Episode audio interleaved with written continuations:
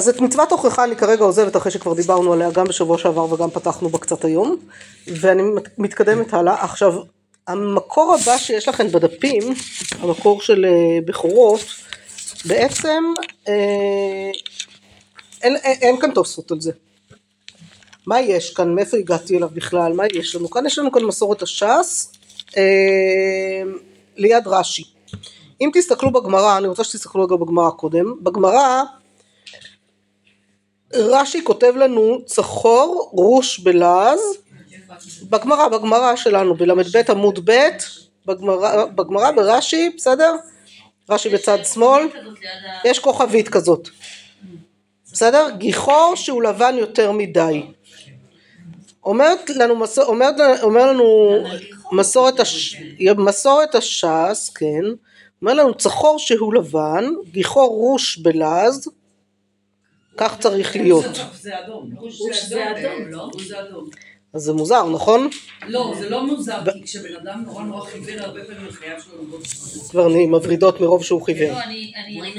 או לבקנות, תחשבו על, אה, נכון, או לבקנים, נכון שהרבה פעמים אה, זה, כן, אנחנו מכירות את זה. והוא אומר, וכן ברש"י לקמן נ"ח עמוד ב', אז מה יש לנו, ובגמרא בברכות דף מ"ה, זה בבכורות סליחה, בדף מ"ה, אז קודם כל, רש"י ב... אה, קודם כל נ"ח, בסדר? מה יש לנו בנ"ח, בכלל באיזה הקשר זה מוזכר לנו? סתם זה מעניין ככה לה- להבין, אה, אומרת לנו המשנה, סליחה, ל"א עמוד ב', אנחנו עדיין בל"א עמוד ב', בסדר? עוד לא התקדמנו לל"ב, לא אמרתי קודם שאני מקווה שנגיע היום לל"ב, ואחר כך אמרתי עמוד ב' ואז התערבב, לא נורא, סליחה. אמ, אני קוראת לכם, כי אין לכם לפניכם את אה, פרק תשיעי, מה לעשות, אז אני קוראת לכם רגע אחד את ה... אמ,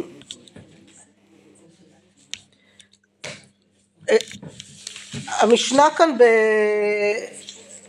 בפרק תשיעי זה פרק הרואה, כלומר פרק שמדבר על כל מיני ראייה. בסדר, אני לא יודעת אם מי כאן ראתה בדרך את הקשת, אז יש לנו הרי ברכה על הקשת, אז הייתה עכשיו קשת, לצערנו.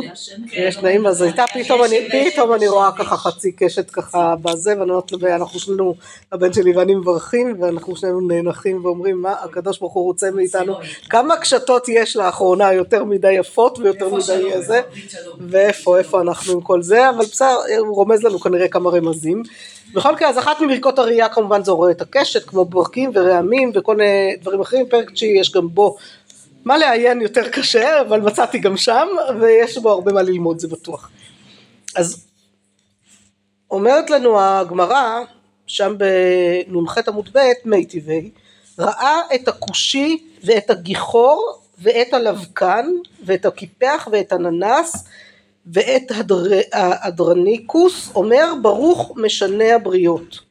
את הקטע ואת הסומה ואת פתויי הראש ואת החיגר ואת המוכה שכין ואת הבהקנים, אומר ברוך דיין האמת. לא פשוט, נכון? הדיין האמת אומרים, אני אומרת עוד פעם, קטע, סומה, סומה זה עיוור, כן, עיוור חשוב כמת, בדיוק, פתויי הראש, חיגר, מוכה שכין ובהקנים. בהקנים. יפה, אז צריך לברר מה זה כל אחד מהם, בסדר? יש שם אה, מה לברר על כולם. זה סוג של? אני חושבת שכן, אני חושבת שזה משהו כזה. אה, פתויי ראש, פתויי ראש ששערו כנמתע על כל שערו דבוק זה בזה, משהו כזה, לא יודעת מה זה. מחלות נוראיות. כן, כן, נשמע כמו מחלות קשות מאוד. לא, פתויי, פתויי, פ' ות', בסדר? בפ' ות'. בכל מקרה, על גיחור, שנייה רגע, על גיחור אומר לנו כאן רש"י, אדום הרבה, ראש בלעז, לבקן, לבן יותר מדי. בסדר שזה יסתדר לנו הרבה יותר. אי אפשר להגיד על לבנים, יש כאן. בדיוק, יש לנו... אז לא, שם יש לנו צחור וגיחור, אבל צחור שזה לבן יותר מדי, זה אנחנו יודעות. לא, גיחור הוא לבן יותר מדי. לא, אבל זה לפי, אבל אז לכן מסביר לנו מסורת הש"ס לפי רש"י פה בברוך משנה הבריות ולפי בכורות, מה יש לנו בבכורות? תראו, הכושי הגיחור והלבקן והקיפח והננס והחרש והשוטה והשיכור ובעלי נגעים טהורים פסולים באדם וכשרים בבהמה. הגמרא אומרת לנו כושי אוחמה, אוחמה זה שחור, גיחור חיברה. לבקן סומקה, שזה מעניין, זה הפוך כאילו בזהו, סומקה, ואז אומרים הנה, האם באמת ככה? רגע רגע תסתכלי, דאה אהודה אמר לאו מן באי לבקיאני ואישתקה חיברה, מי רוצה לבקן והנמצא אה, חיוור, אלא כושי אוחמה, גיחור סומקה, כדאמרי אין שהיא סומקה גיחיה. לבקן חיברה, כי אהודה אמר לאומן באי לוקיאני, לבקני ואישתקה חיברי. אני במקור חמש, במקור מסכת בכורות. אומר לנו רש"י במסכת בכורות, סומקה ראש בלעז. כלומר צריך לשים לב שגם כשאנחנו לומדות רש"י, בעצם כל זה הבאתי, זה לא ראשי תיבות, זה מילה בצרפתית. זה רוש, כן, בדיוק. ראש, ראש. הנה, יפה. מה זה אוחמה? אוחמה זה שחור. אה, אומרת ש- ושלא יאשימו אותי באיזה זה, שרק לא יאשימו אותי בגזענות או משהו כזה, כן? אה, זה לא... למה הבאתי לכם את כל זה? לא, חושבת, הוא לא מתכוון לאפריקאי. זאת אומרת, כושי שחור? אני חושבת שכן. דווקא מאוד הגיוני שכן. לא, רגע. יש מחלה שהיא כזאת, שהאור כאילו... אבל פה לא מדובר על מחלה, כי אנחנו נמצאים ברשימה כאן, אה, בנ"ח, עמוד ב', הרשימה של ברוך משנה הבריות, זה אנשים שנראים שונים מהסביבה שלנו כאן, אבל זה לא שזה אנשים שהם, אה, זה לא ברוך דן אמת, זה לא חולה, זה פשוט מישהו שיש לו זה. עכשיו זה נכון שלבקנות זה מחלה, לבקן זה סוג של מחל, אה, אני מסכימה, לא זה לא- זה לא איזה בריאות... השאלה היא, אני לא יודעת, כי השאלה היא גם מה היה מקובל אצלם. לא. יכול להיות שרוב האנשים היו שחומי עור יחסית קצת, אבל לא כמו כושים, גם לא לבקנים, גם לא ג'ינג'ים אה, אדומים מדי, ולכן כל אחד כזה שהסתובב בסביבה פתאום והיה ככה מאוד מאוד מוזר, אז עליו אמרו זה ברוך משנה הבריאות, זה, כל- זה לא בריאה משונה יחסית למי שאנחנו פה בסביבה. בסדר? כל הפוליטיקלי קורקט של היום של אה, גזענות, ולקבל כל אחד וכל זה, נראה לי שאולי קצת היה פחות בעוצמות אה, זה, כן. בלק. כן. זה... כן. אז זהו, אז אפרו-אמריקה. אפרו-אמריקן, כן. אז זה בסדר, אנחנו אומרים אה, זה, ואז הם באים לנו מדרום אפריקה ועושים לנו צרות. סליחה, לא הצלחתי להתאפק. לא, ואז הם אה, בוערים באתיופיות שמוציאות סרטוני הסברה למען ישראל. מה אתם מתערבות בעניינים האלה של היהודים? אתם בכלל שחורות. אה, יפה. אוקיי? יש בלי סוף כאלה ש... כן, כן. הפוך על הפוך כל הזמן. הכל הפוך על הפוך, כאילו, כן. אנחנו מוציאות סרטונים כישראליות, וצועקים עלינו, כאילו אנחנו חוטפות, מי למה-? כן. למה אנחנו תופסות את הצד של היהודים, אנחנו אמורות להיות בצד השני. הבינו אה, שאנחנו. בקיבוץ גלויות. כן. לא, הם לא מוכנים להפנים דברים כאלה, לא. טוב, בכל מקרה, למה הבאתי לכם את כל זה? בעיקר כדי לשים לב, מאוד קל לנו, בדרך כלל, מה שאני משתדלת שלא תעשו פה, אבל אני יודעת שזה הדבר הכי קל לעשות, זה להיות עם אצבע בגמרא ואצבע ברש"י. עכשיו, אם אני עם אצבע בגמרא ואצבע ברש"י פה, ואני הולכת מהגמרא פה ואומרת, מה זה המילים האלה, מה זה... אה, לא ארוך ולא גוץ ולא אה, קטן ולא אילם ולא צחור ולא גיחור, מה זה צחור, מה זה גיחור, ואז אני הולכת לרש"י ורש"י אומר לי כאן צחור רוש בלעז, גיחור שהוא לבן יותר מדי, ואני על אוטומט אומרת יאללה, מאמינה לך רש"י, נכון? ואם אני לא אזיז את העין טיפה שמאלה ואראה את מסורת הש"ס ואראה שיש כאן טעות ברש"י, לא, יש פה טעות ברש"י. מי שהכניס לפה את רש"י, בעצם לכאורה על פי רש"י בבכורות ועל פי רש"י בנ"ח עמוד ב'. אין כל כך אופציה אחרת, כן, זה, זה, זה, זה נראה כמו יותר טעות, בסדר? יותר כמו טעות. באחד מהם יש טעות, אבל כיוון שזה בכורות פלוס נ"ח, וגם ההיגיון אומר מה זה צחור, מה זה, בסדר, אז הכל גם, עכשיו ברור לנו גם מאיפה יכלה לבוא הטעות, כי בבכורות ראינו שהיה כאן הגמרא בעצמה, אמרה גיחור חיברה לבקן סומקה, ואחר כך היא הפכה את זה. אז יכול להיות שמשם אה, יתהפך גם פה אה, באיזשהו אופן, לא נראה לי שבמקרה הזה, זאת אומרת אמרתי לכם כמה פעמים, רש"י הוא פרשן מקומי, בסדר? אז לכאורה יכולת להגיד, אבל אז אולי פה, במקום הזה, הוא חושב ש... זה לא נשמע לי, בסדר? נשמע לי ש... בדיוק. אה, לא, הוא מביא פירושים שונים, הוא יכול להביא פירושים שונים במקומות שונים. לא, לא רק זה, לא רק זה, לא. לא, הוא, כן, אה, רות, הוא יכול גם להיות כזה, כלומר אני יכולה להביא לך שלוש סוגיות שבהן, שהן אותה סוגיה בדיוק, ורש"י יפרש בכל מקום משהו קצת שונה. אבל לא ברמה כזאת של להפוך את המילה, בסדר? שכאן די ברור, וגם אין סיבה, בדיוק. זה לא שמצאתי, אם הייתי מוצאת פה משהו שהייתי מרוויחה מזה, אז נו. אבל אני לא מצאתי שום דבר כזה, ולכן אני אומרת, זה רק לשים לב שכן, יכולה גם ליפול טעות, ולשים לב שצריך להפעיל את השכל שלנו, גם כשאנחנו קוראות רש"י, ולנסות להסתכל מסביב אם משהו לא מסתדר לנו, ולפתוח מקורות נוספים אם משהו לא מסתדר. בסדר? ומשם אנחנו לומדות את הדברים. אז זהו, זה לא שיש כאן איזה עומק גדול, אבל לפעמים גם הטכניקות הפשוטות האלה הם דברים שנורא נורא חשובים בדרך בלימוד גמרא, בסדר? לכן אני מתעכבת גם עליהם, גם אם הם לא תמיד מרימים אותנו לגבהים. כן, אלו, אלו, הוא מסביר כאן מילים מתוך הגמרא, נכון? כן. איפה המילים? איפה המילים בגמרא, הן נמצאות ב... ב... ב... ב... ב... איך אני... לא... זה ממש באמצע של השורות הרחבות. תראי, צחור ולא גיחור ליד הגאות הבח. את רואה את הגאות הבח? בצד ימין את הגאות הבח? ממש ליד זה. אה, הנה, כן, כן. בסדר? מצאתם? כן, כן. תראו, התקדמנו הרבה בגמרא. סתם. אה, לפני כן האמת, אבל דילגתי על גברא בגוברין. סתם אה, יפה לראות את התוספות פה. מה זה גברא בגוברין? מה זה גברא בגוברין? מה אומר לנו התוספות? גבר שבגברים, יפה, מה זה גבר שבגברים? גבר גבר, מה שנקרא. מה זה גבר גבר, מה שנקרא? בדיוק... אה, אז פה זה נורא יפה דווקא, כי זה בדיוק הפוך מה... מה ש...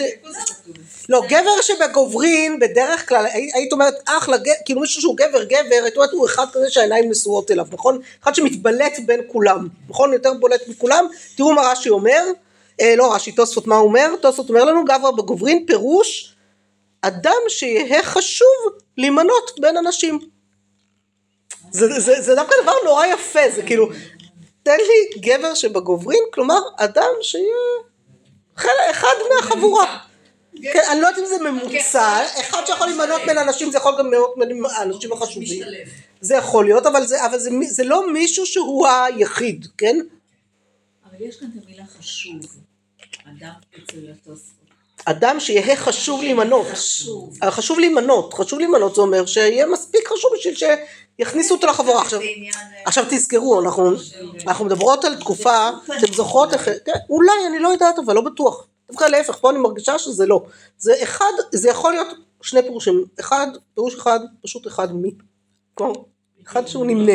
בסדר שיגדל, שיגיע לגיל בגרות, שימנה בין כולם. אבל זה אומר שיכול להימנות, להימנות בין אנשים. ולא נכון, לא חשוב. ברור. לא, אבל זה, אבל תחשבי שאחר כך יש לנו את הלא ציחור ולא גיחור ולא כל זה, כלומר, אדם שהוא חלק מהחבורה. כן. חשוב להימנות ביחד. כן, הוא חשוב כאילו חלק מהזהו.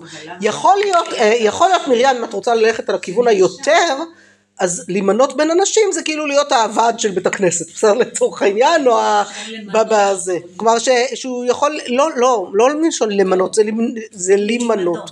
זה להימנות, כלומר שיספרו גם אותו. להיכלל. להיכלל, שיספרו אותו, אבל זה יכול להיות גם אה, חשוב, לא, אבל אז זה לא היה להימנות, זה היה למנות. זה היה למנות על אנשים ולא להימנות בין אנשים, נכון? להימנות בין אנשים, להימנות זה להיכלל. כן, זה אין כאן ה' אבל זה להימנות כמו להימנות, זה אותו דבר וזה חייב להיות מישהו שהוא חלק מי, ולא יכול להיות מישהו שהוא מעל כולם, בסדר? זה, זה מה ש... ואני חושבת שזה זה עוד פעם, זה, זה יפה להדגיש כי זה ככה, כאילו הפוך מהכיוון שהיינו חושבות, אבל דווקא ברמה העמוקה של זה זה מקסים, כלומר מה אני מחפשת? לא, אתם יודעים, החלומות הרטובים של האימא היהודייה על הרופא והעורך דין והזה, הוא לא בטוח. לא בט... אני יודעת שברוך השם, שיהיה מענץ' בדיוק, שיהיה אחד מהחבורה, שגם לא יהיה שונה מדי. כלומר, המקום הזה של להימנות בין אנשים הוא באמת להיות, להיות שייך אל, כי לפעמים יש לנו כל מיני, אתם מכירות, כל מיני גאונים, כל מיני כאלה שהם יותר מדי, ואז הם נורא בודדים. הוא כותב ולא חכם רש"י, שלא יקחו אותו בעין הרע. כאילו באמת שלא יהיה בולט כן, ולא כן, כן, כן, הנה בדיוק הרעיון הזה של... עכשיו זה נורא מעניין, כי את מי מבקשת פה חנה? את שמואל, ושמואל היה לגמרי מורם, כן? אבל הוא היה מורם שלא מורם, זה בדיוק העניין, הוא היה מורם שהוא חלק מהאנשים. שהוא היה ההפך כן. מבני עלי, שהם היו כאילו... בדיוק, בדיוק, וזה, וזה כל כך יפה שהיא כאילו התפללה עליו, והיא ידעה שהיא הולכת להשאיל אותו להשם, והיא יודעת שהיא מכוונת אותו להיות משהו, אבל המשהו בתוך, לא משהו שהוא מעבר, וזה מקסים. בעיניי זה, כאילו, אם מדברים על החלומות של האימא היהודייה של היום, החלומות המעודכנים, אני חושבת שהחלום המעודכן הוא שהילד שלי יסתדר עם כולם, ושימצא את הכישרונות שלו, כאילו יהיה מה שהוא, אבל בתוך כולם. רואה היום כמה באמת ילדים שהם נורא גאונים, או נורא. הם נורא סובלים. אין מקום בכלום. נכון, נורא נכון. קשה להם. הם נורא סובלים. התמודדות בלתי אפשרית כמעט. אישה שאין לה כלום, נכון. לא, אבל גם הרבה פעמים, גם להם קשה למצוא את הח... בקיצור, זה מורכב. זה מורכב, זה מורכב, הנה יש לי, יש לי חבר כזה, חבר לעבודה שגם באמת לקח לו שנים למצוא. אה, זו גאונות כזאת היא בלתי אפשרית לחלוטין, ולא משנה גם כל, כן זהו, זה, לא חושבת שזה ככה עכשיו ממש, אבל זה, אבל ברוך השם, ברוך השם, בסוף הוא מצא לעצמו רופאה, הוא טוען שהיא חכמה יותר ממנו, זה נשמע קצת מפחיד, ובאמת, הוא אמר שדברים שהוא לוקח לו רגע, היא כבר קולטת, כאילו היא כבר עונה, זה משהו מטורף. קצת, ברוך השם, יש שם ילד חמוד עכשיו, ונקווה. כן, אה? אז אה, אני אחפש, אני מוכנה לחפש, אני אשאל אותו אם יש לו עוד איזה רעיונות, אבל, אה, אבל הוא, כל כך, הוא כל כך לעצמו, שזה כאילו באמת משהו, אני אומרת, זה פילי פלאים זה שהוא התחתן ויש לו ילד היום והכל, כי ממש זה לקח הרבה זמן, לא עלה פשוט. מה זה? יש את הברכה, תהיה אה, לכם. דוסית. כן, ל- בעיניך ובעיני אלוקים ואדם, נכון. נכון, שנמצא חן ושכל טוב בעיני אלוקים ואדם, לא רק בעיני אלוקים אלא גם בעיני אדם. טוב בואו נתקדם, לא, לא התכוונתי להתעכב על זה כל כך הרבה. אה, יש לנו כאן עוד בעצם כמה סוגיות קטנות אבל מעניינות בתוך הסיפור הזה. יש לנו כאן את הנושא של לשבת בתוך דלת אמות של תפילה. בסדר? בתוספות זה מורה הלכה בפני רבו והיושב בתענית בשבת, נכון? זה הדברים שככה נתחלנו עליהם ושאלתם אותי איך הגיעה תענית לפה, שזה אנחנו עוד צריכות לפתור את השאלה הזאת, אבל יש לנו לפני כן אה, גם דברים אחרים. לא, לא, איך זה קשור מה? אלא איך זה קשור למה שהיה קודם. איך להתגלגל למקום. מה בגמרא, איך זה יתגלגל למקום הזה? טוב, את- אתם אה, תהרגו אותי כשתגלו את התשובה, אבל בסדר, נגיע אליה, נראה אם מישהי תנחש בינתיים. אה, מה זה? נו, קשר. כן, אבל מה האסוציאציה שהביאה לזה? מה הצליח, מה הוליד את האסוציאציה, בדיוק, מה הצליח, ל... איך הצלחתם ריבונו של עולם להגיע לשם, אז תכף אנחנו נגיע לשם, בסדר עוד רגע, אבל בואו רגע אחד לפני כן, את ה... לשבת בדלת אמות של תפילה.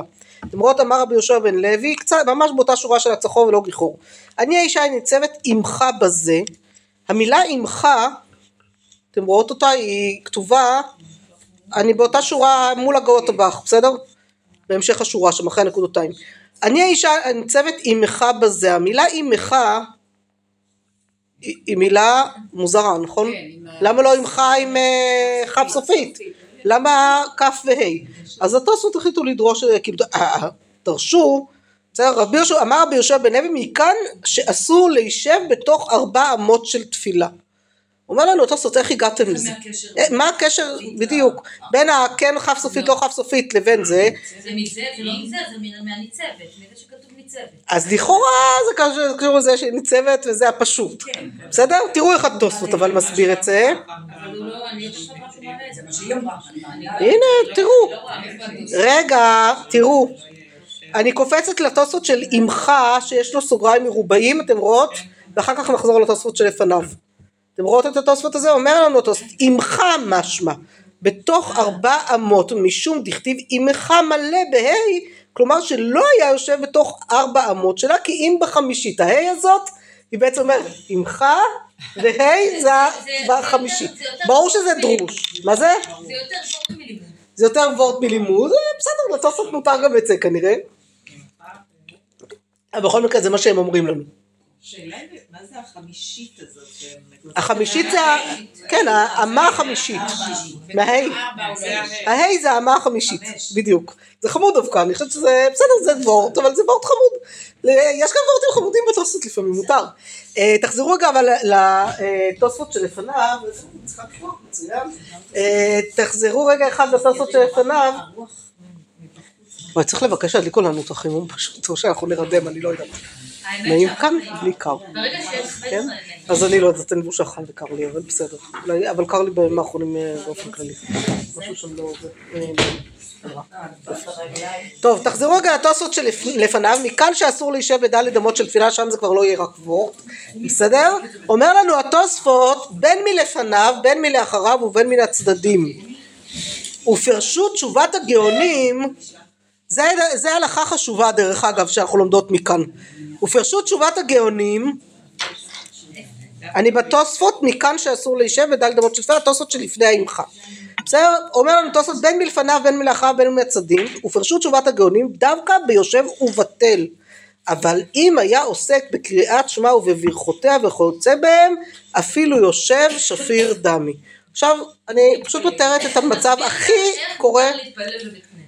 איך מותר יפה אז בבית כנסת, בדיוק, זה מסביר לנו איך מותר, אבל גם מסביר איך אסור. את מתפללת 18 מהר ויש לידך מישהי שמתפללת לאט. סיימת. עכשיו, אם את רוצה לשבת, א', א', ב- באמת צריך לדעת שלכתחילה אמורים לחכות בעמידה באותו מקום שסיימת בו עד אחרי קדושה. בסדר? ממש עד אחרי קדושה. זה לכתחילה, בסדר? ברור שאחרי קדושה אם עדיין מישהי לידך מתפללת כי החזן היה מהיר מדי והיא האריכה קצת יותר ואת בכל זאת סיימת כבר ואת רוצה לשבת לא, המקרה הנפוץ שלי לפחות הוא שהם פשוט ממהרים לי מדי.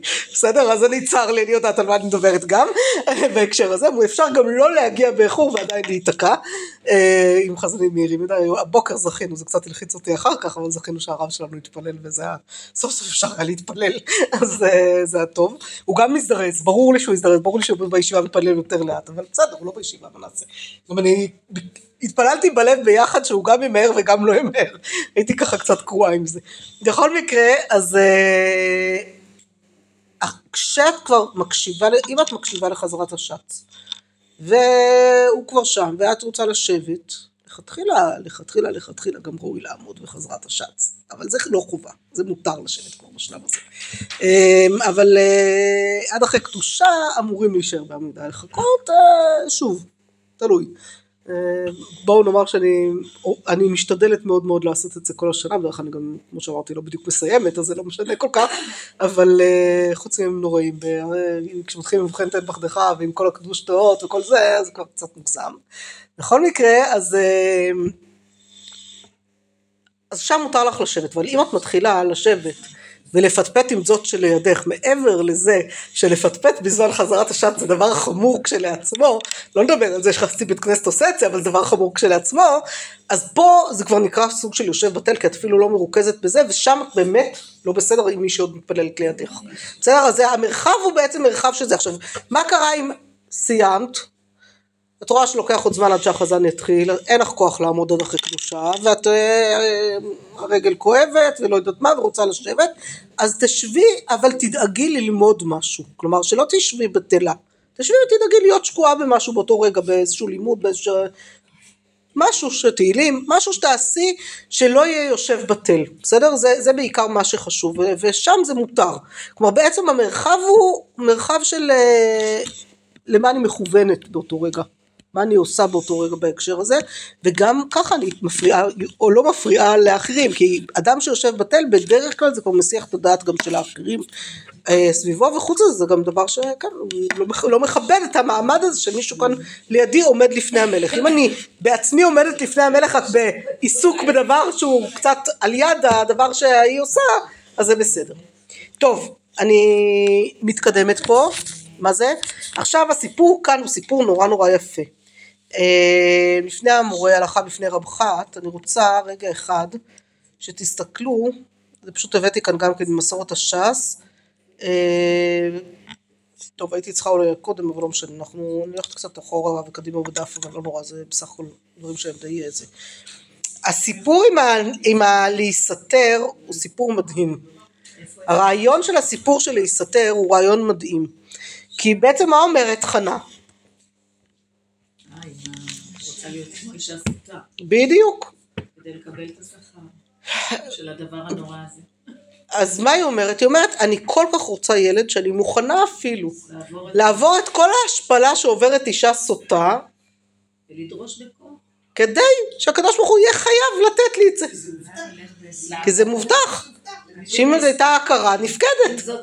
אז אם זו השיטה, אז אפילו את זה אני מוכנה, כי אני לא יכול להיות המצב הזה שאני אשאר בלי.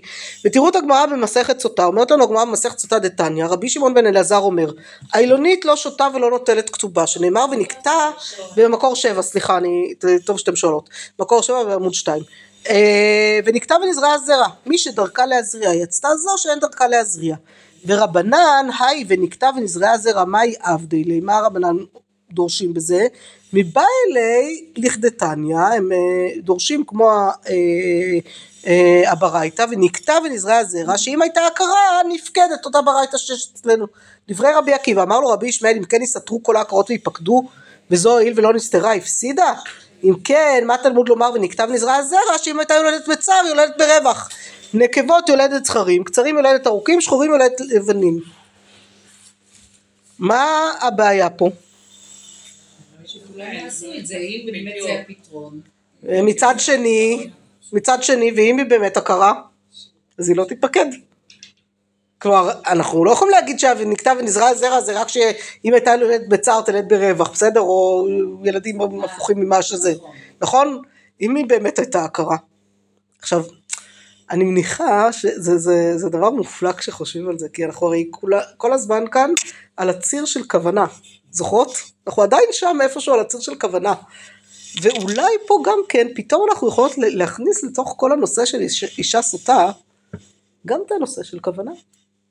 כלומר, יש כאן איזשהו, איזושהי אמירה מאוד מאוד אה, לא, לא פשוטה, אבל שאולי אומרת לנו, כן, אם זו, ברור שזו לא הדרך, זו לא אמורה להיות הדרך, אבל אם זאת, עכשיו מה הבעיה שלנו הרי? הבעיה היא הפוכה. כי בסדר, אז העברת הטקס הזה נכון, זה, זה, זה מראה שאתם יודעות הרי אה, על שרה אימנו, מה הרי מה הסיפור שהיא, למה כתוב שראו שהיא הניקה אותו? כי היו מרננים אחריה, אה, ש, לא, שהוא היה, שהוא היה בדמות, דמותו, המדרשים שאומרים שהוא היה בדמותו של אה, אברהם, שיצחק, נכון, שיצחק היה בדמותו של אברהם, למה? שזה לא הבן של כי אמרו זה, זה, זה מאבימלך. רגע אחרי אבימלך יש לנו את הסיפור שפתאום אה, בהיריון. טוב אז אברהם לא הצליח להכניס להיריון, אבימלך הצליח, שלום. ורוצים להדגיש שזה לא. אבל אבימלך אמר שהוא נולד. מה זה? בסדר, אבימלך אמר? אבל היא הייתה בהיריון. בסדר. התוספות פה, התוספות פה בסוטה, תוספות שאין לנו כאן, כי הוא כבר פירש בסוטה, אומר לנו, אמר לו רבי ישמעאל, אם כן יסתרו כל הקורות ויפקדו, תימה. ורבי ישמעאל, לימה לי לנפשי, יסתרו כל יולדות בצער וילדו ברווח. וזו היא ולא נסתרה, הפסידה. כלומר, התוספות פה מקשה בעצם, ואומר לנו, רגע, רגע, רגע, אותו פטנט יכול להשת- יכול להשתמש בו גם כאן. מה זה? אותו פטנט. של העקרות, אם היא הייתה, כל הלידות שלה היו ניתוחים קיסריים, והיא רוצה בכל זאת שמישהו יאפשר לה ללדת רגיל, בסדר? ילדה כבר שני ניתוחים ורצתה בכל זאת שיהיה לה סיכוי לעוד אה, ילד אה, בלידה רגילה. אז היא אומרת, אני אסתר אותו דבר, ואני אלד ברווח, זהו, נפתור לי את הבעיה. אז אה, הנה פה פה.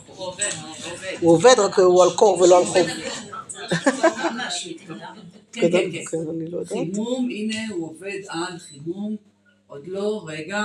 לא, לא, זה חימום תמיד לוקח זמן עד שהוא מתחיל לעבוד. אוקיי, הוא יתחיל.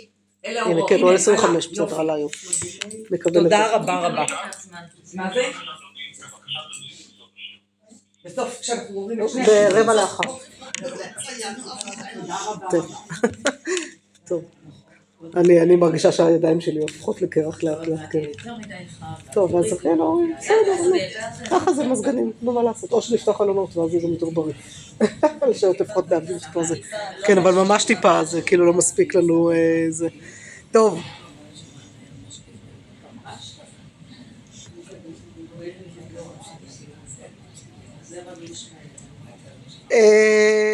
בסדר? אז אני, אז, אז לכאורה הוא אומר זה לא באמת עוזר לנו, לא פותר לנו את הבעיה, אבל לא פתר לנו את הבעיה התוספות, הוא רק השאיר אותנו בעוד, אה, בעוד אה, תמיהה נוספת גם על רבי ישמעאל, אומר רבי ישמעאל לא פתרת שום בעיה, בסדר? אה, לכאורה מה שרבי ישמעאל אומר זה... יש הבדל בין מה שאישה תעשה בשביל שיהיה לה ילד לבין מה שאישה תעשה בשביל. לידה את יותר, הילד המסוים שהיא רוצה או לידה קלה, בסדר? זה לא אותו דבר. נכון, זה לא חייב להיות אותו אישה דבר, לא אותם, אה, לא תעבור את כל התהליך הנוראי לא את כל עושה התהליכים. בשביל זה, כן, כן, כן, כן. יודעים ש... טוב, הקטע הבא, הקטע הבא על מורה הלכה בפני רב חת, תודו שזה היה קטע קשה, נכון? כל הסיפור הזה עם... אה, עד שהיא זכתה, וזכתה סוף סוף לבן, והכל הכל הכל, ועכשיו פתאום אומרים, ואז היא באה וזועקת, כן? זה גם המקום היפה הזה שמביאים אותה, כאילו היא באה ודרשה את זה בשבילו, כן? לנער הזה התפללתי, בדיוק. מה הסיפור שם עם המורה הלכה בפני רב חת? מה מפריע לתוספות? הרי מתי, מה הסיפור שם? בואו נחזור רגע לסיפור, בסדר? אני רוצה רגע שזה, יפה. בואו נחזור רגע לסיפור פה. אמר רבי אלעזר, שמואל מורה הלכה לפני רבו היה, שנאמר, וישחטו את הפר והביאו את הנער אל עלי. משום דוישחטו את הפר הביאו הנער אל עלי? מה הקשר בין חלקי הפסוק? כן? אלא אמר להן עלי, קראו כהן ליתי ולשחוט, קראו כהן שיבוא וישחוט.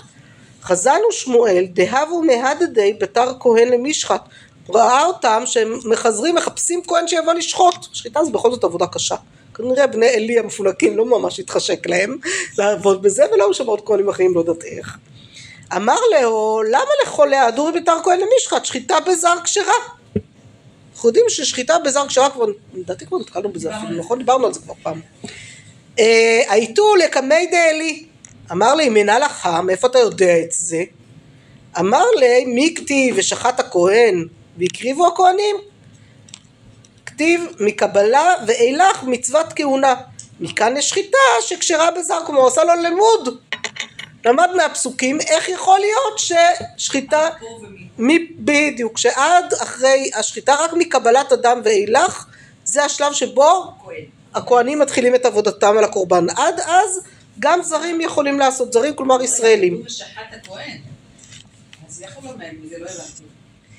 את צודקת, הוא, הוא, אומר אה, זה, אבל בגלל שזה ושחט הכהן והקריבו הכהנים, אז הוא אומר, ושחט הכהן זה לאו דווקא, בגלל שיש פיצול, והקריבו הכהנים, זה לכהנים, ושחט, את, את, את צודקת שזה יכול היה, זה נשמע לימוד מוזר, אבל זה הלימוד שהוא לומד, בסדר? כי הוא אומר, בגלל שזה כתוב לי פעמיים. ואלי מקבל את הלימוד הזה, אמר לי, מימר, שפיר כי אמרת, אתה לא, אמרת דבר יפה. כן, אני מקבל את זה, נכון, ואנחנו יודעים שעד היום נפסקה הלכה ששחיטה בזר כשרה, כלומר זה לגמרי נפסק להלכה. מי הוא מורה הלכה בפני רב חת, וכל המורה בפני, הלכה בפני רבו, חייב מיתה. אז לפני אה, חנה שבאה וצווחת אה, לפניו, אני אישה ניצבת עמך בזה, אומר לנו התוספות על זה, מה הבעיה שלנו עם זה, עם המורה הלכה בפני רב חת? הוא אומר, ואף על פי שלא למד עדיין בפניו, מכל מקום גדול הדור היה ובא ללמוד לפניו. בתוספות, אני בתוספות, אמרתי, אמר, לנו התוספות מורה הלכה בפני רבך. מה הוא בעצם אומר לנו פה? תקראו. הוא אומר רגע רגע רגע, לכאורה הוא אומר ככה, הרי אם חנה אומרת אני האישה הניצבת עמך בזה, זה אומר שזה קרה פחות או יותר כנראה באותו יום שהיא הביאה אותו, נכון? לא, הביא אותו בן שלוש. אותו בן שלוש, בן שלוש הוא כבר דרש את הדרוש הזה, שהתקבל, כן, להלכה, אבל אז אומר התוספות, רגע רגע רגע, שמה? לא. אבל אומרת הוא לא היה הרב שלו עדיין. יפה, אז הדינה אומרת, סליחה, הוא לא היה הרב שלו עדיין. אם זה היה באותו יום, הוא עוד לא היה הרב שלו. איך זה מורה לך בפני רבו? לא למד ממנו אות אחת עדיין. רק עכשיו הוא הגיע. טרי. אז אבל אולי בזכותו פה בעולם? לא יודעת. כזה- או בזכות אמא שלו, נראה לי יותר, אבל... יפה, אז אומר לנו, אותו- מחדש לנו התוספות פה בעצם, שההלכה של מורה הלכה בפני רבו היא בפני רבו או בפני גדול הדור גם אם לא למד מגדול הדור כלום. מה זה? לפתור את זה, עם זה שברגע שבאת ללמוד במישהו, אז אתה צריך להתייחס אליו כרבך. כאילו, אנחנו לא נקבל את זה שתלמיד ביום הראשון של שיעור א', יחלוק על ראש הישיבה, כי הוא עדיין לא למד בהם שום דבר. זה, זה רבך, גם אם זה לא גדול הדור החד משמעי במובהק, זה הבן אדם שבאת ללמוד ממנו, אז אה, קיבלת אותו. יפה, אז רות מוסיפה לנו על התוספות, כלומר יש לנו בתוספות, התוספות אומר לנו גדול הדור כרבך, בסדר? זה בעצם אה, זה. על גדול הדור לא חולקים ככה בפניו, כן? אה, זה גם אה, זה, זה גם אה, חמוד הסיטואציה שמתוארת פה, תחשבו רגע אחד, עלי הזקן, רבן של כל ישראל, בא איזה צוציק קטן, בין הוא בן שלוש, בין הוא בן שלוש עשרה, הוא עדיין צוציק קטן. יש כאן איזה מעמד. והם רואים כאילו, והוא רואה ש... תגידו, מה אתם בסדר? מה אתם, מה אתם כל כך מתאמצים על זה? אין שום צורך, כאילו, בשביל מה? זה, זה כאילו סיטואציה כזאת לא הגיונית, אז, אז היה הגיוני שהוא יגיד לו, מצד שני, מה, ועכשיו תהרוג אותו? זה גם קצת, אה, אה, זה קשה לצד השני גם, כן? ורות באה ומחדשת לנו שלא חייב להיות שזה דווקא גדול הדור, למרות שפה זה גדול הדור, אלא גם צוציק בשיעור א', או שבוש, שמגיע לישיבה וחולק על ראש הישיבה באותו יום, גם זה לא שייך.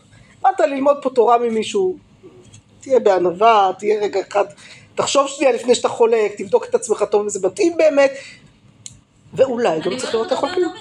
קיבלת אותו לרבך, ברגע שבאת ללמוד ממישהו, יפה, גם אם זה לא ראש ישיבה, באת... הרם ללמוד שלך. ממישהו, באת ללמוד ממישהו, הוא כבר רבך, קיבלת אותו כרבך. ואז אתה לא חולק עליו כל כך בקלות. כן. נכון. מה? הוא אמר משהו נכון. מה זה? הוא אמר משהו נכון. יפה, והוא אמר משהו נכון. עכשיו בואו נראה עוד כמה גמרות. לא. זה מדרש שלומדים ממנו הלכה, זה בדיוק העניין, אבל אתם רואות שאנחנו... הוא סוג של אה, דרשנות של האירוע הזה. אז בואו נראה רגע אחד לפני שתגיע לתענית, יש לנו עוד כמה דקות כאלה, בכ- בכיף. אז בואו נראה, אני חושבת שלא הספקתן בחברותות את הגמרות הנוספות על מורה הלכה בפני רבו, נכון? אני רגע מתלבטת אם לעצור ולתת לכם טיפה ככה לעבוד על זה, כי יש כאן דברים נחמדים, או שנעבור על זה ביחד. אתם מעדיפות ביחד? או שאתם מעדיפות ככה קצת לעשות עצירה קצת לחברותות? ביחד, ביחד. ביחד? טוב. בסדר. אז אומרת לנו הגמרא בזבחים, מקור עשר עמוד שלוש. מקור עשר עמוד שלוש. הנה חכי, אה איך זה נגמר? כי אמרה אני האישה הזה, לנהר הזה התפללת, אתה לא עושה לי כזה דבר. זה לא הורג אותו עכשיו, ככה זה נגמר שם. כן, כן, כן. אמר לה שווקי לי ודענשי ובאינה רחמי ויהיב לך רבה מיני. הציע לה עלי עזבי ממנו אני צריך להיפרע אבל אני מתפלל שתקבלי בן יותר גדול מזה. אמרה לו "או, לנער הזה התפללתי תודה ולא תודה מספיק לי זה. לא צריכה יותר מזה רק עזוב אותו לנפשו וכך הוא מקבל את זה. בסדר? זה אם רואים שאלת איך זה נגמר שם בגמרא. אבל בואו רגע אחד נראה טיפה יותר את הנושא הזה בסדר? קודם כל שחיטה שכשרה בזר, בסדר? בכלל, ההלכה הזאתי. אה, אומרת לנו הגמרא בזבחים, שחטו דיעבד אין לכתחילה לא. ורמינו מקשים ושחט שחיטה בזר כשרה, שהשחיטה כשרה בזרים ובנשים ובעבדים ובטמאים ואפילו בקודשי קודשים. או אינה- או- או אלא בכהנים אמרת וכי מאין באת?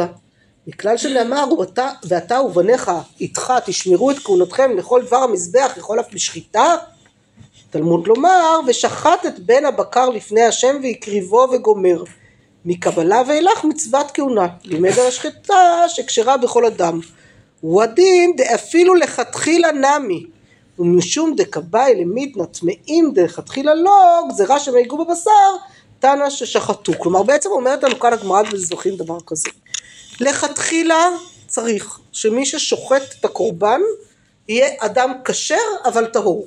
בסדר? יכול להיות גם זר אבל טהור. בדיעבד אפילו אם אדם טמא שחט עדיין אפשר להקריב את הקורבן. בסדר? הוא לא טימא את הקורבן ברמה כזאת שאי אפשר להקריב. בדיעבד זה תופס, לכתחילה לא. לכתחילה אדם לא צריך להיות אה, אה, לשחוט. הרי מזה אנחנו גם לומדות אגב, אם בדיעבד שחיטה בטמא מותרת, מה אנחנו לומדות מזה על איפה שוחטים את הקורבן? מחוץ להר הבית. לגבולות הר הבית, כלומר שחיטה נעשתה בכלל, יכלה להיעשות בכלל לא בתוך גבולות הקודש, בכלל להיעשות באזור אחר, בחצרות, בחצר, בחצרות אה, ברובע, בסדר, איפה שגדלתי, כאילו בחצרות, ומשם מביאים את הקורבן השחוט כבר לבית המקדש כדי, אז שם לכאורה גם אדם טמא יכול היה לשחוט. אבל בדיוק, אבל צריך קבלת דם של כהן. אבל צריך... אה. שהכהן יעמוד שם על יד ויקבל את הדם, בסדר, זה, אני אומרת, זה כבר קצת יותר מורכב. לא בטוח, כי עכשיו מה הבעיה? מה אומרת לנו הגמרא פה? למה טמאים מלכתחילה לא יכולים לשחוט? גזירה שהם ייגעו בבשר ויטמאו אותו, כלומר כשאתה שוחט, אם אתה, כל אתה שוחט מלמעלה, כאילו בלי לגעת בבהמה אחרי השחיטה, כי עד השחיטה הוא לא מטמא אותה, אבל אחרי השחיטה הוא מטמא אותה כבר, בסדר? זה מאוד קשה, אם אתה טמא שלא תיגע בבשר ששחטת הרגע, אז לכן חוששים ולכן אומרים שטמאים לכתחילה לא ישחטו, בסדר? אז בעצם אין, אין טומאה בהקשר הזה עד שהבהמה שחוטה כבר, ומשם ואילך כבר זה עובר לכהנים. אמ, והגמרא ביומא גם כן מדברת על השחיטה בזר, בסדר? יש לנו כאן ככה כמה גמרות שמדברות על שחיטה בזר. איל קרב באחד עשר, הבשר בחמישה, הקרביים והסולת והיין בשניים שניים. קרב בעשרים וארבעה, הראש והרגל, הראש באחד והרגל בשניים, העוקץ והרגל, אני לא, אני לא נכנס לכל הפרטים של המשנה פה. במה דברים אמורים בקורבנות ציבור, אבל קורבן יחיד אם רצה להקריב מקריב. הפשטן וניתוחן של אלו ואלו שווים. מה זה הפשטן וניתוחן שווים? אומרת לנו הגמרא, אה, תנא הפשטן וניתוחן שווים בזר. אמר חזקיה מניין להפשט וניתוח ששווה בזר שנאמר ונתנו בני אהרון הכהן אש על המזבח נתינת אש באיה כהונה הפשט וניתוח לא באיה כהונה ואז אומרים באי לגו- לגופה היינו יכולים להגיד שזה את עצמו צריך אמר רב שימי בר אשי אשכחתי לאביי אני מצאתי לאביי דהבה מסבר לי לברי שהיה מסביר לבן שלו סתם לא אני תמיד נורא אוהבת את המקורות האלה שפתאום אה, הם יוצאים לי כאילו אנושיים הרבה יותר מתוך הגמרא, זאת אומרת זה סיטואציות ככה יותר משפחתיות, יותר אנושיות, יותר כל מיני. מה הוא הסביר לו? ושחט, שחיטה בזר כשרה. וכי מאין באת? מכלל שנאמר ואתה ובניך איתך תשמרו את קולותיכם, שומע אני אפילו שחיטה, תלמוד לומר, ושחט את בן הבקר לפני השם והקריבו בני אהרון הכהנים את הדם. מקבלה ואילך מצוות כהונה, ושמח ידו ושחט לימד על השחיטה שכשרה בזר. כלומר, אה, לאה זה בשבילך, יש לנו פסוק, יש לנו פסוק נוסף. לא רק ושחט הכהן והקריבו הכהנים, אלא יש לנו מקור נוסף, ושחט את בן הבקר לפני השם ושחט סתם, והקריבו בני אהרון הכהנים את הדם, זה כבר החלק שלהם. השאלה מה היה בסדר? לפני ושחט את בן הבקר. ושחט ידו? ושמח ידו. לא, אתה... לא. מדובר על כל אדם? ושמח ידו ושחט. לגמרי. כי סמיכה זה חייב להיות בעל הקורבן. נכון. העניין של לא להיות בעל הקורבן, ואז... ואם זה ושמח ידו ושחט, אז זה... נשמע שאותו אדם יכול לעשות את הדבר הזה ולכן זה גם אפילו בנשים כי רק נשים יכולות לסמוך בסדר גם נשים אה, יכולות לסמוך זה רבי יוסי מה? לא זה, הבסיס של התוספות הרי לזה שנשים יכולות בכלל לקיים מצוות עשה של זמן קרמן וכולי וכולי לעשות, נחת רוח לנשים לכן נשים יכולות לסמוך מה זה? הקטע הזה. לא נכנסת לזה כהנים צריך בשביל להביא כן סוג של בדיוק. כמה כמה? כהנים מביאים כל סוג של של בהמה למזבח? תחשבי שפר קרב פר זה הדבר הכי גדול איי, לא איי. איי. כן, כמה, כאילו, מחלקים אותה איל הוא גם בהמה מאוד כבדה זה בעצם זה תלוי זה משהו מאוד מאוד פרקטי מאוד טכני ומאוד פרקטי כן מאוד מאוד טכני כן? אבל אגב זה למדנו גם את הנושא של הפשט וניתוחן שווים שהם בזר וממילא גם שהשחיטה כשרה בזר בסדר? לא, כן. תלוי מי מה. ש- מי ש- מי ש- מי מי שסוחב שמביא את זה, כן. זה כן חייב להיות כהן. וזה כבד, ולהעלות את העלייה, את הכבש, זה כאילו... מה זה? בכל מקרה לא הייתי צריכה לעשות את זה עכשיו תראו שהנושא הזה של שחיטה בזר עוד פעם זה מתחזק ממקורות שונים לא, לא רק מקור אחד זה חוז- זה חוזר על עצמו השאלה הזאת כי זה כאילו לא, ב, לא, אינטו, לא אינטואיטיבי מספיק כי האינטואיציה שלנו הייתה אומרת מה זאת אומרת אני מביא- מביאה קורבן בחרדת קודש הגעתי עם הבהמה, מפה ואילך אני כבר לא נוגעת בה, נכון? מצד שני זה הכרחי ההלכה הזאת בגלל קורבן פסח. שצריך אה, מהירות. המון המון שוחטים, וכן, ולך אה, זה, נכון, להשתמש בזה שחיטה בזר שלו. נכון, וזה זה מה שלכאורה מאפשר אפילו, כן כן, זה לכאורה מה שמאפשר אפילו שחיטה, כאילו קורבן פסח אפילו היום, אבל אה, לכאורה. לא לא עושים את זה, אבל כן, יש מי שעושה את בית מנסה קצת, אבל לא באמת עובד לו. חוץ מאלה השומרונים, שסיפור בפני עצמו. אומרת לנו הגמרא במנחות, ואמר אביי, במקרא נדרש לפניו ולאחריו, קמי פלגי, בזה אה, חולקים, אלא אי תמא דרבי שמעון והב- והביאה, ו' מוסיף על עניין הראשון, וסבר רבי שמעון, ו' מוסיף על עניין הראשון, אלא מעתה דכתיב ושחט את בן הבקר והקריבו בני אהרון הכהנים את הדם וזרקו את הדם, מקבלה ואילך מצוות כהונה מלמד על השחיטה שכשרה בזר, אי לרבי שמעון ו' מוסיף על עניין ראשון שחיטה הכי נמי בזר תהא פסולה כי אם זה מוסיף על עניין הראשון אז זה כאילו צריך לחזור אחורה ולהגיד אם, אם בהמשך זה כהנים אז גם בהתחלה זה כהנים. שאני אתם זה שונה שם דאמר קרא ושמח ושחט מה שמיכה בזרים אף שחיטה בזרים. אם מה שמיכה בבעלים אף שחיטה בבעלים ההוא לא מצית אמרת זה לא מצינו שאמרנו קל וחומר ומה זריקה דעיקר כפרה לא באיה בעלים שחיטה דלאו עיקר כפרה לא כל שכן. כלומר בעצם מה, מה, מה אומרים רות על הלימוד שאת בדיוק הלימוד שהיה רציתי לומר? כתוב ושמח ושחט. שמיכה זה בעלים זה זר. מכאן ששחיטה בזר אבל מה? אז היו לך לא זה לא שמיכה זה לא שחיטה בזר זה שחיטה בבעלים. כלומר אם את לומדת את זה מהסמיכות הזאת.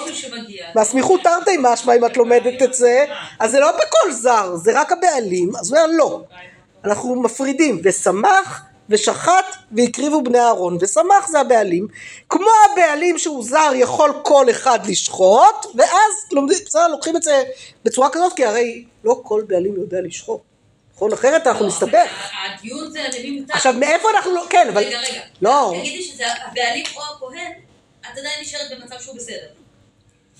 אומרת, לא שמה חייבת- שזה שחיטה בזר את לא חייבת להגיד, את לא חייבת אה, אה, להגיד אה, ש- ש- ש- שהזר הוא הוא לא דווקא הבעלים, בשביל להגיד שכל אחד יכול להביא קורבן. כי בסדר, אז... לא, לשחוט את הקורבן. להיות- את יכולה להגיד שהשחיטה היא בין לבין. היא יכולה להיות או על ידי הבעלים או על ידי הכהן, אבל לא על ידי אדם שלישי.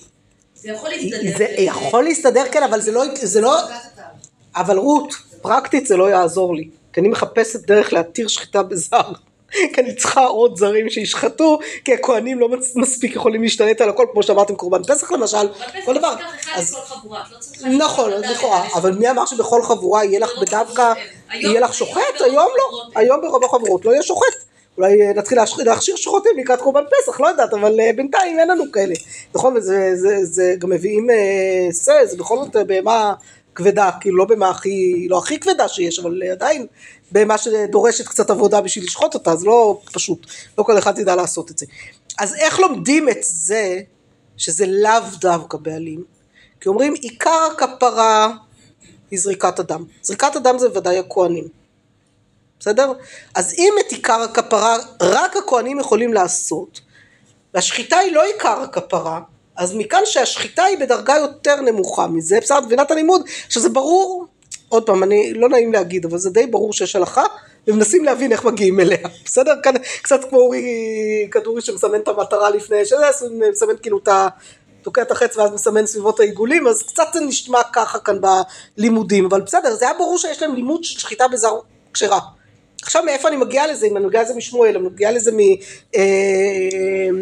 ממה שלמדנו בזבחים מה שלמדנו ביומא או ממה שאנחנו לומדות במנחות כל מקום מגיעים לזה ממקום טיפה אחר אבל העיקרון הוא שאני מנסה להפריד את הפסוקים ולוודא מאיפה אני יכולה ללמוד מה ההיגיון אומר לי ששחיטה בזר תהיה אה, כשרה בסדר? ואז הוא אומר על זה, אבל הוא עדיין מקשה על זה, וכי תימה אין דנים אפשר מי שאי אפשר. כאילו אתה רוצה לומר לי שאפשר בזר, מי שאי אפשר לזרוק את הדם, שגם הבעלים יזרוק את הדם, זה קצת, קצת התרחקת, נכון? הרגשנו שמשהו, אז גם הם מרגישים, גלי רחמנה ביום הכיפורים, ב, לא, לא סתם אנחנו אה, אה, היינו קודם במסכת יומא, ושחט את פר החטאת אשר לו מכלל דשחיטה בעלמא לא באינן בעלים. כלומר, מזה שביום הכיפורים כתוב שהכהן צריך לשחוט את פר החטאת שלו, אנחנו לומדים מאחד שמסומן על זה שסתם בעלמא זה לא. בסדר? אתם מבינות את צורת הלימוד? אנחנו... עכשיו, מה הרווחתי בכל הטיול כאן? חוץ מזה שביססנו את הנושא של שחיטה בזר כשרה, למרות הפסוק של ושחט הכהן והקריבו בני אהרון הכהנים שכאילו לא היה משכנע מספיק מברכות. אז קודם כל ביססנו את זה בעוד דרכים. ודבר שני, למדנו עוד דרכים תלמודיות, איך אפשר להגיע למטרה שאנחנו רוצות להגיע אליה, בסדר? ברור לנו שההלכה שאמר שמואל היא הלכה, היא מדויקת, בסדר? היא נכונה. איך אני מגיעה לזה, אני יכולה להגיע לזה מפה ומפה ומפה ומפה, אבל, אבל זה ברור שזה, ודווקא כשיש לי הרבה הוכחות, לפעמים גם אומרים כשיש יותר מדי תשובות לשאלה אחת, זה אומר שאף תשובה לא מספיק טובה. אולי, אבל בסוף כשהן מצטברות, ההצטברות של התשובות השונות גם כן יכולות לעזור לי להוכיח, וברור לי בסוף, בסוף שבאמת הבסיס כאן הוא קודם כל זה שעצם זה, שיש הלכה כזאת, בסדר? שזה ההלכה. עכשיו על הסיפור הזה של החייב מיתה, של המורה הלכה בפני רבו חייב מיתה. אומרת לנו הגמרא בעירובין, אמר רבא, בפניו אסור וחייב מיתה, שלא בפניו אסור ואין חייב מיתה. ושלא בפניו לא, אסור לו? והתניא רבי אליעזר אומר, לא מתו בני אהרון עד שהורו הלכה בפני משה רבן, מה ידרוש? ונתנו בני אהרון הכהן אש על המזבח, אמרו אף על פי שהאש יורדת מן השמיים, מצווה להביא מן הידיעות. ותלמיד אחד היה לו לרבי אליעזר שהורה הלכה בפניו. אמר רבי אליעזר לאמא שלום אשתו, טמא אני אם יוציא זה שנתו ולא הוציא שנתו. אמרה לו, טוב נו זה רבי אליעזר, אנחנו זוכרות מה הכוחות שלו מתנורו של החנאי, נכון? זה לא סתם רבי אליעזר ואמא שלום. בסדר? אמרה לו, נביא אתה? אמר לה, לא נביא אנוכי ולא בן נביא אנוכי, אלא כך מקובלני. כל המורה הלכה בפני רבו חייב מיתה.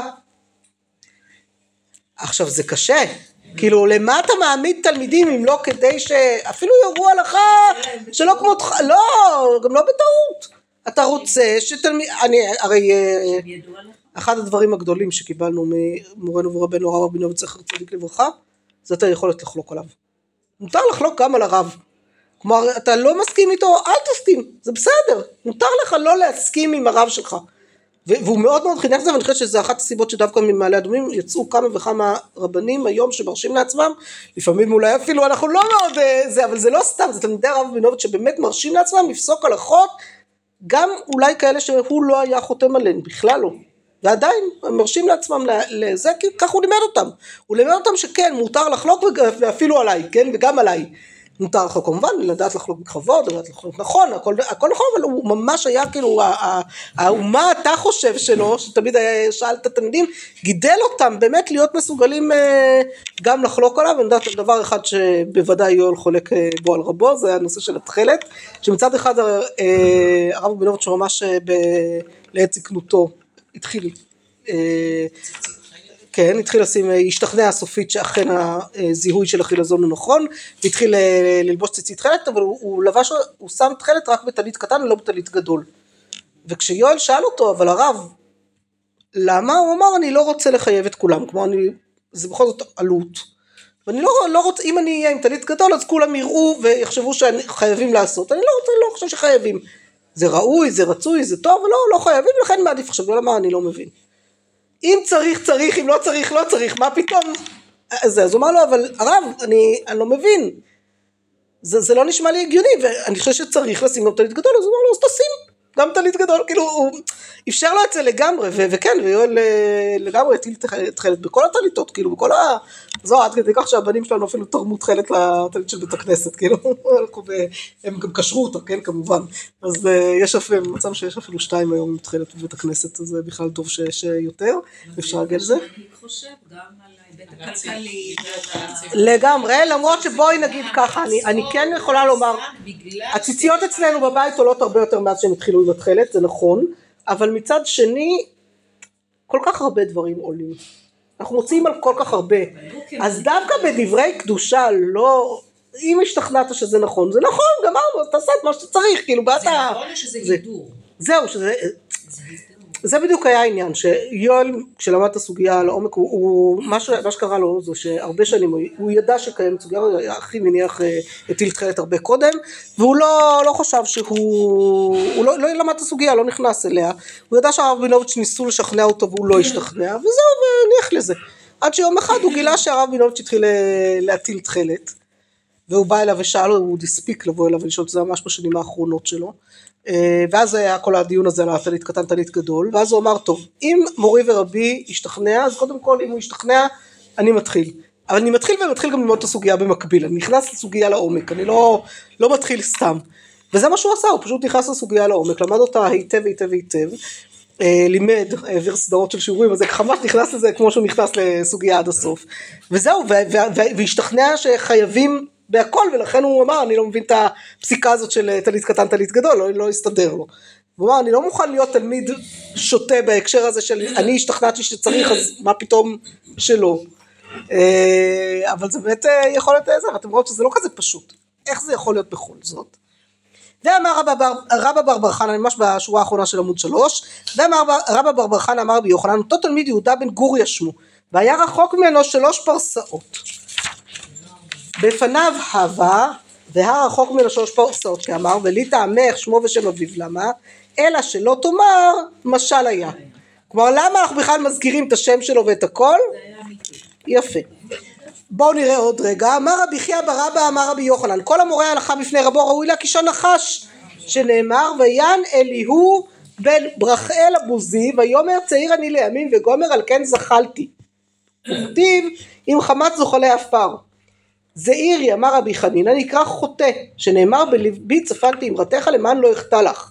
רבי מנונה רמי כתיב בלבי צפנתי אמרתך וכתיב בבישרתי צדק בקהל רב לא קשיא כאן בזמן שעירה היעירי קיים, כאן בזמן שאין עירה היעירי קיים. זה לקחת דמות בתנ"ך, נכון?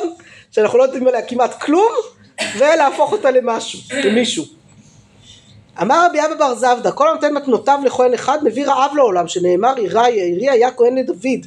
לדוד עבד אב הכהן לכולי עלמא לא, אלא שהיה משגר לו מתנותיו. וכתיב בתרי ויהי רעב בימי דוד. רבי אליעזר אומר מורידין אותו מגדולתו שנאמר ויאמר אלעזר הכהן אל אנשי הצבא וגומר אף על גב דאמר לו לאחי אבא ציווה ואותי לא ציווה אפילו הכי ינש אפילו ככה הוא נענש ולפני אלעזר הכהן יעמוד ולא אשכחן די יצטרך ליהושע אמר רבי לוי כלומר יש לנו כאן בעיה הרי אלעזר הכהן עומד בפני רבו יהושע ואומר מה ההלכה אבל הוא אומר לא זה בסדר יהושע צריך אותו לכן זה בסדר שהוא ראה הלכה לפניו. אה, אמר רבי לוי כל דמוטיב מילה קמי רבי אזיל לש- לשאול בלא ולד שנאמר ויען יהושע בן נון משרת משה מבחוריו ויאמר אדוני משה כלאם. עכשיו זה מדהים איך שמגיעים בסוף ליהושע ואומרים יהושע הלך לעולמו בלי שהיו לו ילדים למה? כי הוא הורה הלכה בפני רב, משה רבו ואמר אדוני משה כלאם אנחנו יודעים שמי שאין לו בנים חשוב כמת נכון? אז uh, הסיפור הוא לא פשוט מה כן מאפשר אותו? א', מחילה של הרב מראש, בסדר אם הרב אומר אני אדרבה תחלקו עליי זה ודאי יכול לעזור. דבר שני כמובן שאם אדם רחוק כבר, כלומר הוא כבר בעצמו התמנה כרב קהילה במקום אחר, משהו כזה זה כבר לא נקרא בפני רבו, בפני רבו זה כשאתה נמצא בפניו, באזור שלו, בעיר שלו, באותו מקום, בית המדרש שלו, בעיר שלו, במקום שלו, אלא אם כן הוא שחרר אותך אפילו מזה, אבל זה קשה וצריך זהירות בזה. עכשיו, מה, מה זה בונה לנו? מה שיפה נורא במקור הזה עם רבי, אה, עם רבי אליעזר, שאמר לאמא שלום, חוץ מהקפדנות של רבי אליעזר, שנורא מסתדרת עם הסיפור, מה שעוד יפה שהוא אומר, כך מקובלני. מאיפה זה הכך מקובלני? מרבותיו. כלומר, אומר רבי אליעזר, רבי אליעזר אומר כך מקובלני. ורבי אליעזר אומר שלא אמרתי שום דבר מעצמי אלא לא חיסרתי מזה מרבותיי כלום אלא כחלב ומלקק מן הים וכולי וכולי. כלומר רבי אליעזר חלק מהמהות שלו היה הקבלה הזאת העברת המסורת הלאה.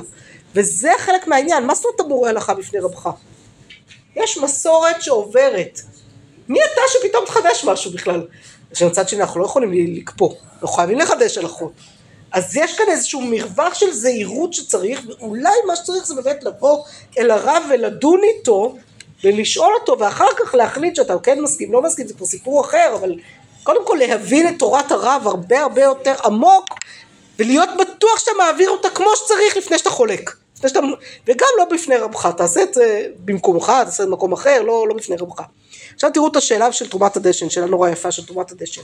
אומר לנו, תרומת הדשן זה אה, אחד מראשוני אשכנז, אולי ברח לי השם שלו כרגע, אוף. טוב, ברח לי כרגע השם שלו. אחד הראשונים החשובים מאוד מאוד מאוד באשכנז, בסדר? השו"ת של תרומת הדשן. עכשיו, מה שיפה בשו"ת של תרומת הדשן, אתם יודעות מה יפה בו? שאומרים שהוא שו"ת דמה. כן, אה, לא, איסרלן. איסרלן. מה זה שו"ת דמה? כמו הרב אבינר, שלא של הרב אבינר, לא באמת שאלו אותו, אלא הוא המציא את הרב אבינר, בואי נגיד שאני לא נעים לי לומר, אני יכולה להאמין גם ששאלו אותו את השאלות האלה. אבל ברור שכן, כן, שהוא ממציא אותן. אז, אז תרומת הדשן אומרים שהיה תמיד חכם מאוד מאוד גדול, היו לו דברים שהוא רצה לכתוב, הוא ידע שאם הוא יכתוב אותם בצורת שאלה, לא, שאם הוא יכתוב אותם בצורת שאלה ותשובה, זה ית- ייתפס הרבה יותר, ולכן הוא המציא את השאלות שמעניינות אותו כדי לכתוב עליהן, בסדר? אז, כן, זה אחלה. אה, אחד הדברים שצריך לבדוק כשלומדים שו"ת זה האם השו"ת הוא באמת דבר או שהוא אמיתי, כלומר הוא משקף מציאות או משקף את המציאות בעיני הפוסק לצורך העניין, כן? את הרצון של הפוסק. זה גם שאלה מעניינת, אבל בסדר אמרנו כבר, אה, דיברתי עם לאה על זה שאולי אה, אולי שנה אחת נעשה, שנה הבאה אולי נעשה חצי, חצי שנה גמרא, חצי שנה קריאה בספרות השו"ת, שזה מעניין מאוד בפני עצמו. זה גם, אה, זה גם היסטוריה וזה גם לקבל הרבה, אה, זה לקבל עוד מיומנויות בקריאה, בסדר? בקריאת טקסטים, אז אה, אולי, אולי שנה הבאה נתחיל עם זה, נראה מה יתחשק לי. כן, הוא 115, הוא כזה על הגבול של אחרוני הראשונים, בדיוק, אבל הוא אחרון, מאחרוני הראשונים החשובים שבהם. בסדר, תרומת הדשן נחשב כממש שו"ת שמתייחסים אליו במלוא הרצינות, למרות הדמה שבו, בסדר? הוא היה חכם מאוד מאוד גדול. אז מה השאלה שהוא שואל כאן? בעל הבית הסועד בלילי פסחים אצל תלמיד חכם מופלג בדורו, באי הסיבה הואיל ולא למד כלום לפניו, או לאו. יש לנו הלכה שאדם בפני רבו לא מסב. כמו שבן לפני אביו לא מסב, אלא אם כן אביו מוחה לו. לא הסבה בליל הסדר. הסבה בליל הסדר, אז אני אומרת, הסבה בליל הסדר, פיזית? היא חשובה, נכון? זה, זה מהמצוות של ליל לא, הסדר. לא. להסב לפני אביו, כלומר כשאתה יושב אה, בליל הסדר צריך להסב. לשתות לא בזמן, פיזית, במקום. במקום. פיזית, במקום, אם אתה נשען ואוכל בהסבה או שלא, זה תלוי בפני מי אתה יושב, בסדר? אז, אז, אם אדם יושב, אה, אם אדם יושב לפני רבו, אתה חייב להסב מצד הדין, אבל כיוון שהסבה מראה על חשיבות שלך, אדם חשוב, נכון? בני חורין, כשאתה נמצא לפני רבך, אז אתה לא יכול להיות באותו מעמד שלו. אז לא להסב. ואז ההלכה לכאורה היא שלא יסב. עכשיו מה השאלה שיש לנו פה? לא, ההלכה היא שלא יסב במצב כזה, כן. אלא אם כן הוא מוכן. אלא אם כן הוא מוכל, הוא אומר לו תסב, כן נכון, וזו שאלה. נורא מעניין. זה נורא מעניין, אבל זה, זה כאילו לשים את הדברים על איזשהם מאזניים, מה יותר חשוב ממה? מי יותר חשוב? זה שהוא תלמיד חכם, והבן לפני, אה, כאילו תלמיד לפני רבו, או שזה, עכשיו מה השאלה פה? השאלה פה היא, אדם הגיע לעיר כאורח, זה לא הרב שלו ולא כלום, רב העיר מצא אורח בית הכנסת, שמח מאוד, כל דכפין היטב ויכול, בוא אליי הביתה לליל הסדר. בסדר, אורח נטע ללול, כן? ממש. והוא אומר, אני לא... עכשיו, הוא לא למד ממנו אף פעם שום דבר, הוא חדש בעיר, הוא כאילו רק הגיע עכשיו לעיר, עובר אורח לצורך העניין, עובר בדרך, כן? זה ממש דרך ארץ שהוא ייתן קודם לבעל המקום. אבל זה לא... אבל זה לא לתת קודם, זה לא להסב בכלל, בסדר? ורב העיר שם הוא אחד מגדולי הדור לצורך העניין, בסדר? אומר לו ככה, יראה דלא באי הסבה, נראה לי שהוא לא צריך להסב. וכן מצאתי בפרשת סדר אלוהי הרוחות הרב אה, שמואל מפליאז וכתב התם דהת דתלמיד פטור בהסבה לפני רבו משום דמורה רבך כמורה שמיים וזה הסיבה שאסור להורות הלכה בפני רבו כמורה רבך כמורה שמיים אתה מורה הלכה בפני רבך אתה כאילו מתחצף כלפי שמיא בסדר? אותו דבר אתה מסב בפני רבך עכשיו למה לנו קשה כל כך לעכל את זה? זה מתחיל במקום הפיזי, שאתה לא יושב במקום שלו. היום, מה, למי יש מקום היום? זה ממש מדהים. זה באמת כל כך לימוד שצריך לדור שלנו. נכון אני חושבת וזה הולך מפה להורים. שהאירוע כאן לגמרי, מורה רבה כמורה שמיים וכיבוד הורים שנמצא בצד של מצוות בין אדם למקום. נכון. שכל פעם שבעלה נכנס. וואו. ואנחנו כל כך מוותרים על זה בקלות, ולא ברור שזה נכון. זה אני. זה פשוט הדור. לא, זה פשוט הדור. זה הדור וזה, זה, אתם יודעות למה זה מוכרח אבל בדור הזה? אתם יודעות למה זה מוכרח בדור הזה? למה זה מוכרח בשביל משיח? למה משיח חייב לבוא רק אחרי שאנחנו עוברים את כל החוץ והיסגי הזה? למה אנחנו צריכים לקבל את כל החוץ והיסגי הזה בדרך למשיח? למה זה צריך להיות ככה? נכון, היינו רוצות אולי רגע לחזור שם מאחורה לימי הביניים, למורה רבך כמורה שמיים, וכל זה. א', אנחנו, אנחנו בדור שמוכרחים למצות את כל הכישורים, את כל, את כל היכולות, אבל מעבר לזה, אנחנו גם בדור שמוכרח לקבל את כל מה שהוא עושה מתוך בחירה. והמקום של בחירה לא יכול להיות כשאתה כפוף למישהו. ולכן- לא יכול לבחור אם אתה כפוף לקדוש ברוך. רגע, זה האנטיתזה של הילד שלנו. זה, לא, אבל זה בדיוק העניין. כדי שתבחרי בקדוש ברוך הוא בבחירה אמיתית ולא רק בגלל שכך גידלו אותי, אז את צריכה ללמוד קודם. ואז לבחור שוב פעם. בסדר? זה חלק מהתהליך. למה? זה מה שהרב קוק מסביר לנו על דור הכפירה. בסדר? למה היה צריך את הכפירה בעולם? לא. כדי לאפשר את הבחירה. גם- אם את לא אומרת שלא תהיה דינקותא, ללמוד, אבל צריך שזה שתהיה גם אופציה. ללמוד. לאו דווקא שלא תהיה שזה דינקותא. נכון. לא. בסדר, אבל עצם הבחירה, היכולת הזאת לבחור באיזשהו שלב בחיים שאני ממשיכה את זה, אז זהו, הנה בואו שנגיע לתענית, אז רגע אני אסיים את זה. כדאית אה, פרק אף על פי אה, בערבי פסחים, בסדר? ופרש רשב"ם שם דיאלפינן לה, מאת השם אלוקיך תירא לרבות תלמיד חכם. אם כן, כל תלמיד חכם בכלל. וכן מצאתי בתוספות פרק שור של אג"ח ובבא קמא לרבות התלמיד חכם מופלג בכלל זה, אפילו לא למד כלום לפניו. דהה מחויב במורה דעת השם אלוקיך תירא, ואית לו תורת רבו לעניין דרש, דהה קרא את השם אלוקיך תירא. וכל שכן אם התלמיד חכם נחשב לגדול הדור, דחשיב דכל מילי כרבו, אפילו לא למד כלום מלפניו. איך אנחנו לומדות את זה? ואחי אמרינן פרק אין עומדים במסכת ברכות, דף ל"א עמוד ב', דהק כאמר אלי הכהן לשמואל הנביא אתה מורה הלכה בפני רבך ומקשו שם התוספות והיה לא למד כלום לפניו ונתרצית לגדול הדור היה וגם בא ללמוד לפניו נראה דתרי שינויי נינו יש שני שינויים פה דלא שייך ההדדי לצרף לאחד שינוי שלא שייך לצרף אותם אה, זה והקמן דחשיב כרבו מובהק מדכאמר דהיה חייב מיתה על הוראתו בפניו? הוא אומר, זה שלפנים ראינו שהוא נחשב כמו רבו המובהק אפילו שלא למד ממנו כלום כי הוא היה גדול הדור. זאת אומרת, אתה באת לכאן, אתה נמצא אצל תלמיד חכם מופלג בדורו, ברור שלא, הוא תלמיד חכם, הוא, הוא הבעל, הוא המורה השמיים עכשיו, כן? אפשר לראות בעיני רוחי תלמידי חכמים שיושבים ועושים ליל סדר, וכל אחד לא מסב כי ברור שהשני יותר ממנו, אז מה פתאום שהוא. היינו רוצות, כמה היינו רוצות להציץ שם לבני ברק, לרבי אליעזר, רבי אלעזר בן עזר, לרבי עקיבא, נכון? כאילו כולם עושים את הסדר ביחד, מתכננים את המרד על הדרך, וככה כל מיני, אה, והתלמידים שם בחוץ שמתים לראות מה קורה בפנים בכלל, ומציצים רק כשעולה השחר, כן? טוב, בואו נגיע לתענית ונסיים איתה, בסדר? הנה נשאר לנו חמש דקות, זה בסדר גמור. מה הסיפור הזה עם התענית? אז קודם כל לפני שנלמד את הסיפור של התענית, ננסה להבין איך הגיעה לנו התענית. שימו לב, וחנה היא מדברת על ליבה. אני חזרתי לגמרא רגע, חזרתי לגמרא. וחנה היא מדברת על ליבה, רגע בואו נראה בגמרא איך זה הגיע, בסדר?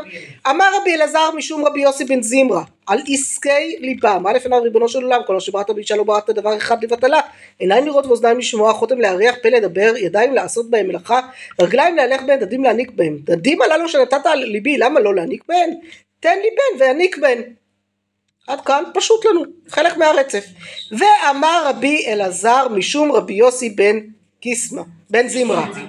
כל היושב ותענית בשבת קוראין לו גזר דינו של שבעים שנה ואף על פי כן חוזרים ונפרעים ממנו דין עונג שבת. מהי תקנתי? אמר רב נחמן בר יצחק ליטב ליטיב תעניתא לתעניתא. ואחר כך אנחנו מגיעים רק לרבי אלעזר. אז איך הגענו כאן לתענית?